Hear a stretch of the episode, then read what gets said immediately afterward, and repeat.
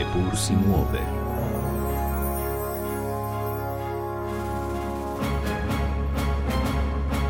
In vendar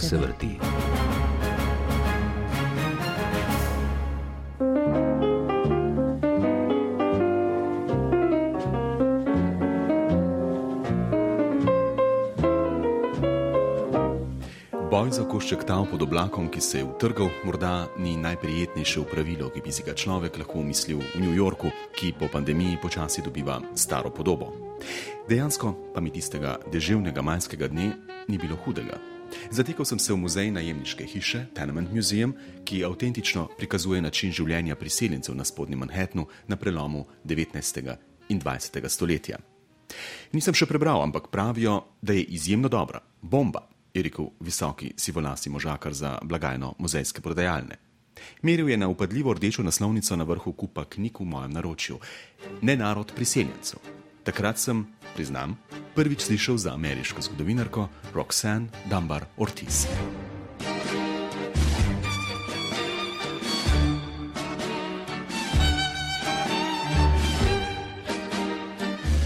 This book is a call for all those who have gone through the immigrant or refugee experience or are descendants of immigrants to acknowledge.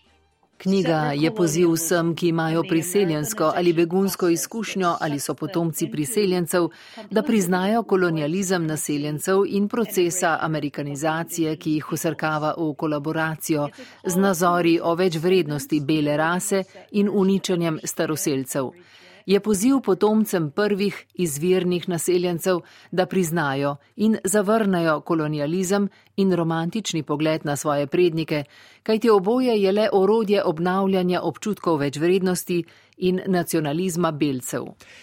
Roxanne Dunbar Ortiz je potomka irskih kolonistov, naseljencev, settlers, torej nepriseljencev, immigrants v Apalače. Regija, skozi katero se razteza hribovje, je širša, ampak v kulturnem pogledu avtorji o tipičnih apalačih govorijo, ko imajo v mislih zahod Pensilvanije, vzhod Ohaja, zahodno Virginijo ter večji del Kentuckyja in Tennesseeja. V 17. in 18. stoletju so bili to divji predeli, ki so jih staroseljcem iztrgali uporniški, a protestantski kolonisti iz Severne Irske, Walesa in Škotske. You can't even talk about immigration until the 1840s when the Irish famine refugees showed up. Do 40. let 19. stoletja, ko so v ZDA začeli prihajati irski priseljenci, sploh ne moremo govoriti o klasičnem priseljevanju. Še tedaj je šlo za begunce, sestradane ljudi, ki so bežali pred veliko lakoto na irskem. Ni bilo priseljenskih zakonov, prišleki so bili belci in govorili so angliško. Kar hitro so šli skozi proces, kljub temu, da so bili uporniki proti kolonizaciji, saj so bili tudi sami doma kolonizirani, a so bili republikanci po prepričanju, kar je dobilo ameriški kontekst. Dokler se nisem poglobila ter začela brati spomine in preučevati izkušenj priseljencev, se sploh nisem zavedala, skozi kakšno mesoreznico so morali že, da so prestali preizkus za pridobitev državljanstva. Še danes se to čuti. Beli ljudje pa so v tej deželi še danes tako prestrašeni. Mi, ki prihajamo iz krogov prvih naseljencev, kolonistov, ne čutimo te negotovosti. Občutek imamo, da smo odnegdaj tukaj, nismo priseljenci. Ko Roxanne Dunbar Ortiz govori o procesu, skozi katerega so morali Irci po prihodu v ZDA, ima v mislih zgolj birokratskih postopkov. V Združenih državah, oblikovanih po meri belega anglosaksonskega protestanta, so v svoji glavi Irci šele morali postati enakovredni člani družbe, torej beli ljudje. Beli so postali, ko so postali policisti. Dejstvo, da so v skladu s klanovskim načelom pripadali tolpam New Yorka, Bostona in Filadelfije, je se upadalo tudi z začetkom oblikovanja sodobnih policijskih sil. Klan je namreč omogočil tudi množično zaposlovanje Ircev v policijskih vrstah. In usporedno s tem, ko so se sprostili najnižji sloji družbe, Velika selitev temnopoltih osvobojencev z juga se še ni začela, irsko in nemško dno ameriške družbe pa se je začelo dvigati in nastopilo klasično obdobje priseljevanja. Dno so zasedli drugi. Immigrants, when they started coming, and it, you know, was really in the 1870s, 1880s that. Pravi priseljenci so začeli prihajati šele v 70. in 80. letih 19. stoletja, ko so se pojavili ljudje iz vzhodne in južne Evrope, ki niso govorili angliško. Šele oni so bili dejansko drugi, katoliki in judje. In šele takrat postanemo priče dejanskega procesa amerikanizacije.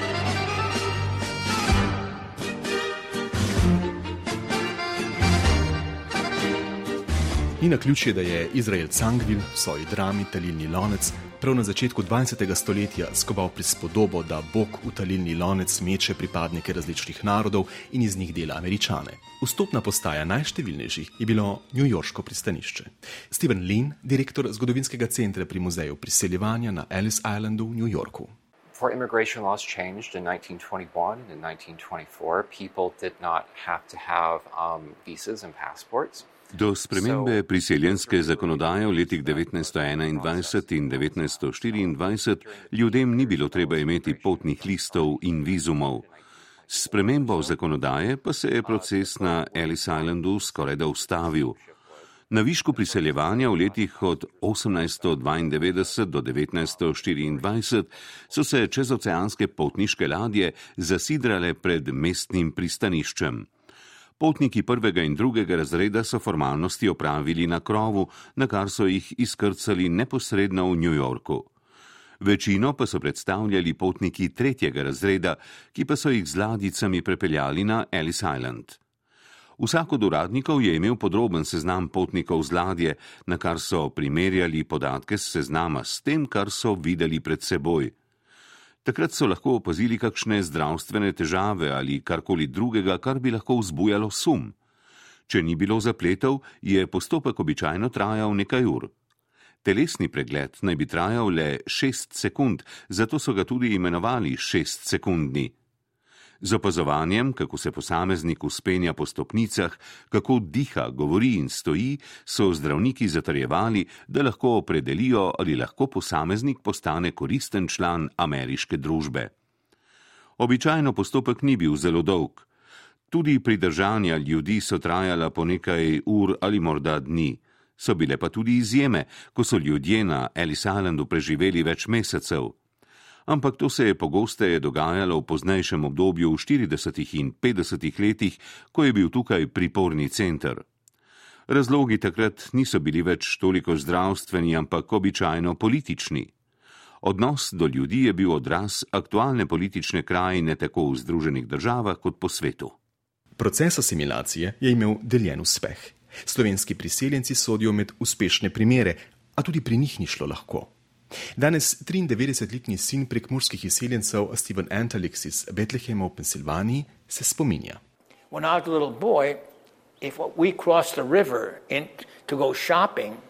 Ko sem bil še majhen in smo prečkali reko, da smo šli po nakupih, sem si takoj, ko je moja mati odprla usta, začel gristi palce. Zaradi močnega naglasa je bila za nje drugorazredna. Leta 1900 je lokalni časopis objavil uvodnik, v katerem so zapisali, kako prijeten kraj je Betlehem, saj smo evropskim izmečkom dovolili, da živijo z nami. Moja mati in oče sta bila torej izmečka. Organist in pevovodja Richard Grill iz Indijane. I can sing in the language, but I don't know what I'm singing. Lahko pojem v slovenščini, a ne vem, kaj pojem. Stara starša sta govorila slovensko, ampak doma nismo govorili v tem jeziku. Ni bilo spodbude za to. Spomnim se, kako mi je mama pripovedovala, kako sta se z babico peljali z avtobusom v središče mesta. Neke ženske so govorile v tujem jeziku, babica pa je rekla, da smo v Ameriki, kjer moramo govoriti v amerikanščini. Izkušnje Tonija Meruleta iz Jolieta v Illinoisu so drugačne. Uh, very much American, and perhaps because I'm first generation, I have that view. I don't have the experience of being. Predvsem se počutim američana. Morda zato, ker sem pripadnik prvega rodu rojenega tukaj, nimam izseljenske izkušnje. Nikoli se nisem počutil tujca. Ironično, ampak ko smo se pred kratkim sestali s sošolci iz srednje šole, je beseda nanesla tudi na to, da naj bi imel moj oče, ki nas je takrat vse treniral v nogomet, izrazit na glas. Vsi so ga slišali, meni pa se nikoli ni zdelo, da moj oče govori angliško z naglasom. V preambuli ameriške ustave je znamenita omemba pravice posameznika, da išče srečo. So jo izseljenci našli? Dolan Cochran, vodja izobraževalnega programa Muzeja najemniške hiše.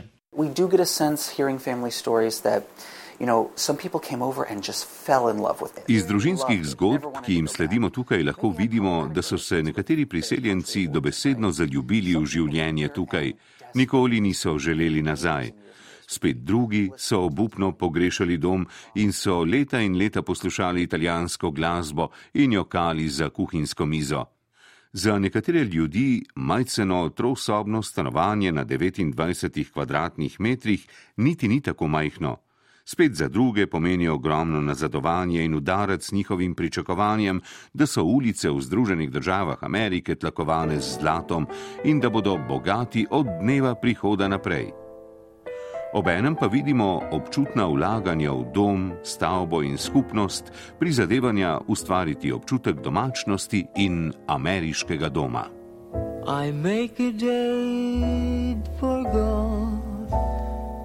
And you can bet your life it rains.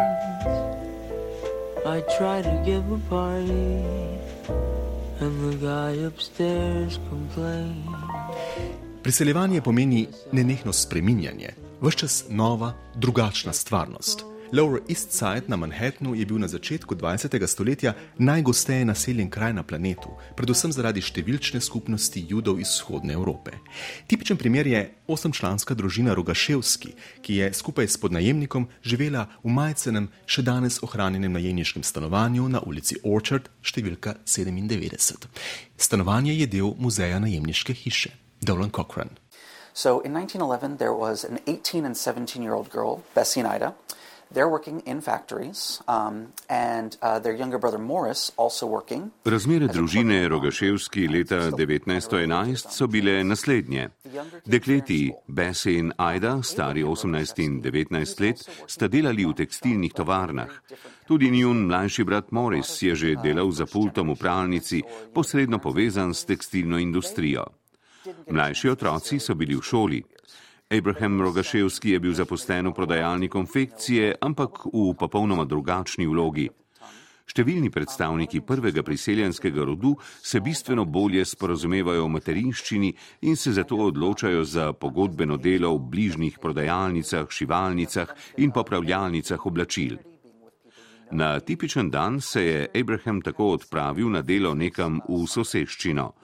Bessie in Aida sta se z vlakom odpravili v tovarne višje na Manhattan. Otroci so šli v šole v soseščini. In to omogoča materi Fanny Rogaševski, da gospodinji.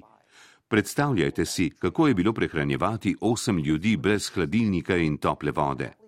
Vodo je grela na štedilniku na premog, ki je po zimi ogreval celotno stanovanje. Nakupovala je na uličnih tržnicah, kjer so svoje blago na cizah prodajali prodajalci brez dovoljen. Sumničavo je pregledovala hrano, barantala za njo, da je s svojim omejenim proračunom nekaj kupila in vsak dan sproti pripravljala obroke za družino. Predvsem pa je ta bližina in prepletenost življenja v najemniških hišah ustvarjala nove skupnosti. Fanny Rogoshevsky's best friend in the building was an Italian man named Adolfo Baldizzi. He lived right across the hall and he Najboljši prijatelj Fanny Rogoshevsky v tej stavbi je bil italijanski sosed Adolfo Baldizzi.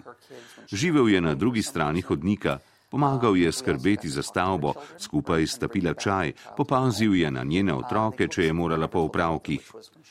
In otroci Feni Rogaševski, ki smo jih našli in se pogovarjali z njimi, so nam priznali nekaj, česar njihova mati ni nikoli izvedela. Ko je ni bilo doma, so pogosto obiskali italijanske sosede in jedli hrano, ki ni bila košer, in se tako dotaknili tudi tabuiziranih tem. Izvedeli smo tudi, da je Baldizijeva hči Josephine na šabat prihajala prižigati in ugašati luči v stanovanju Rogaševskih, kar pravovernim judom na šabat ni bilo dovoljeno. Tako vidimo oblikovanje zanimivih, zelo mešanih vzorcev sobivanja. Ko je postalo jasno, da asimilacija ne deluje, je kot poskus oblikovanja skupnega ameriškega imenovalca vstopila tako imenovana ameriška vera, brez religiozne razsežnosti, vera v ameriško ustavo in institucije.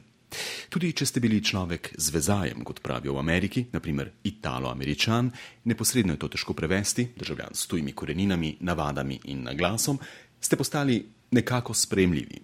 A potreben je bil še korak naprej, kot o narodu priseljencev. Američani v sebi razmišljajo šele od konca 50-ih let prejšnjega stoletja. Kot poudarja Roxanne Dunbar Ortiz, je mit utrdil John F. Kennedy, ki je še kot senator napisal uspešnico The Nation of Immigrants torej narod, nacija, država priseljencev. Za Kennedyja, ki je izviral sicer iz zelo premožne, a nedvoumno profilirane družine katoliških irskih priseljencev, je bilo zaradi predsedniških ambicij pomembno utrditi enakovredni status v narodu, v katerem so vsi priseljenci. S tem pa je po mnenju Dunbar Ortiz zabrisal razlike med kategorijami priseljencev. Kennedy je trgovino sužnji čez Atlantik mimo grede opredelil z ugotovitvijo, da priseljenska izkušnja ni bila za vsakogar prijetna, in ameriški eliti ponudil udoben odgovor na družbene zahteve 60-ih let prejšnjega stoletja, ki so prinesle enega od triumfov boja za državljanske pravice. A očitno zgolj etapno zmago, kajti še dan danes smo v ZDA priča občutkom drugorazrednosti enih američanov in strahov drugih, da jih bodo v skladu s teorijo zarote o nadomestitvi zamenjali, izpodrinili, nadomestili. Roxanne Dunbar Ortiz. Given the long history of the United States demand for unquestioning patriotism, Zaradi dolge ameriške zgodovine zahtev po domoljubju, ki ne dopušča nikakršnega dvoma in negotovosti državljanstva kot izseljenske izkušnje, je strah, da bo posameznik razumljen kot nedomoljuben, zelo razširjen pojav. Ne le med priseljenci, ampak tudi med potomci zasužnjenih afroameričanov.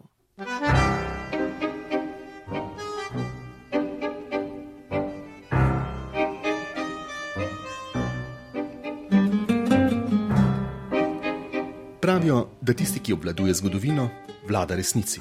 Zato ni nič nenavadnega, da se je razplamtel tudi boj med zgodovinarji, kako razumeti in razlagati ameriško zgodovino, opisovati priseljence in staroseljce, suženstvo, državljansko vojno, konfederacijo in tako naprej. Roxanne Dunbar Ortiz pripada tako imenovani levi skupini ameriških zgodovinarjev. Perhaps that is one reason so few U.S. historians are willing to risk their careers by writing U.S. history objectively. Morda je vse to med razlogi, da je tako malo ameriških zgodovinarjev pripravljenih pisati o zgodovini ZDA objektivno. Celo knjige Howarda Cina, Ljudska zgodovina Združenih držav iz leta 1980, se večina zgodovinarjev izogiba. Septembra 2020 pa jo je javno obsodil predsednik Donald Trump, ki je dal pobudo za učenje domoljubne zgodovine z besedami: Levičarski nemiri in neredi so neposredne posledice desetletij levičarske indoktrinacije v naših šolah. To traja odločno predolgo. Otrokom dajajo navodila propagandistični traktati, naprimer Cinovi, ki skušajo povzročiti, da bi se učenci sramovali lastne zgodovine. Nekdanji ameriški predsednik slovi po marsičem, prav gotovo pa ne po bralnih navadah. Knjiga Howarda Zina, ki jo držim v rokah, brez opomb šteje 688 strani. Drznem si dvomiti, da je Donald Trump svoje mnenje utemeljil na prebranem. Ampak zgodba ima tudi slovensko razsežnost. Ne zaradi gospe Trump, ki, kolikor vem, prav tako ne sodi med članice bralnih krožkov, ampak zaradi dame po imenu Mary Grabar. Avtorica historiografskih knjig, v katerih med drugim razkrinkava Howarda Zina, sicer pa angliska in pedagoginja, ki so jo starši kot otroka pripeljali v ZDA iz komunistične Slovenije, kot piše na njeni spletni strani, sodi na desnico, v skupino ameriških avtorjev, ki zgodovino pisje razumejo kot domoljubni panegirik. Skušal sem posneti pogovor z njo, kajti zanimalo me je, kaj sodobnega intelektualca pripelje do tako intenzivnega uživljanja ne v kožo abolicionista, ampak lastnika sužnjev in s tem do ocene sužnje lastništva kot učinkovitega gospodarskega sistema. A kaj, ko je tukaj bolezen sodobnosti, da se ne pogovarjamo več? Mary Grabar je sprva pristala in me povabila k sebi na inštitut Aleksandra Hamiltona v Clinton, državi New York, na to pa dan zatem brez dodatnega pojasnila sporočila, da si je premislila. Zakaj? lahko zgolj ugibam. Slovenska javnost pa bo vse do zdaj prikrajšana za enega od nedvomno zelo zanimivih pogledov na ameriško zgodovino.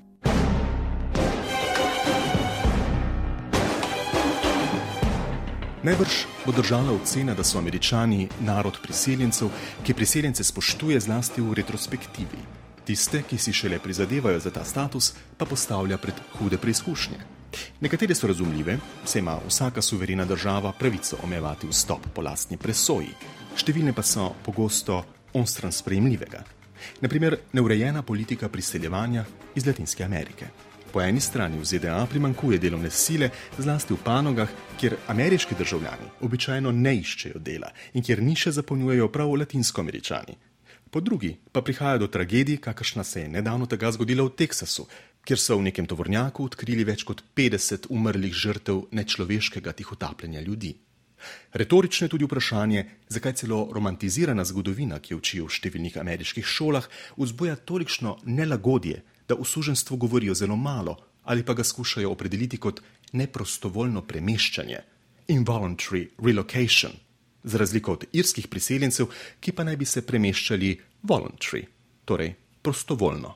Teksaška državna komisija za izobraževanje je namreč pred dnevi zavrnila predlog, da bi se v šolah na tak način učence obvarovalo pred krutostjo življenjskih spoznanj. Življenje piše neverjetne zgodbe, tudi ali predvsem takrat, ko bi bilo bolje, če jih ne bi. Na to pa nastopi človek, ki bi raje vse pometel pod preprogo. Na to pa se čudi, ko spet stopi na iste grablje.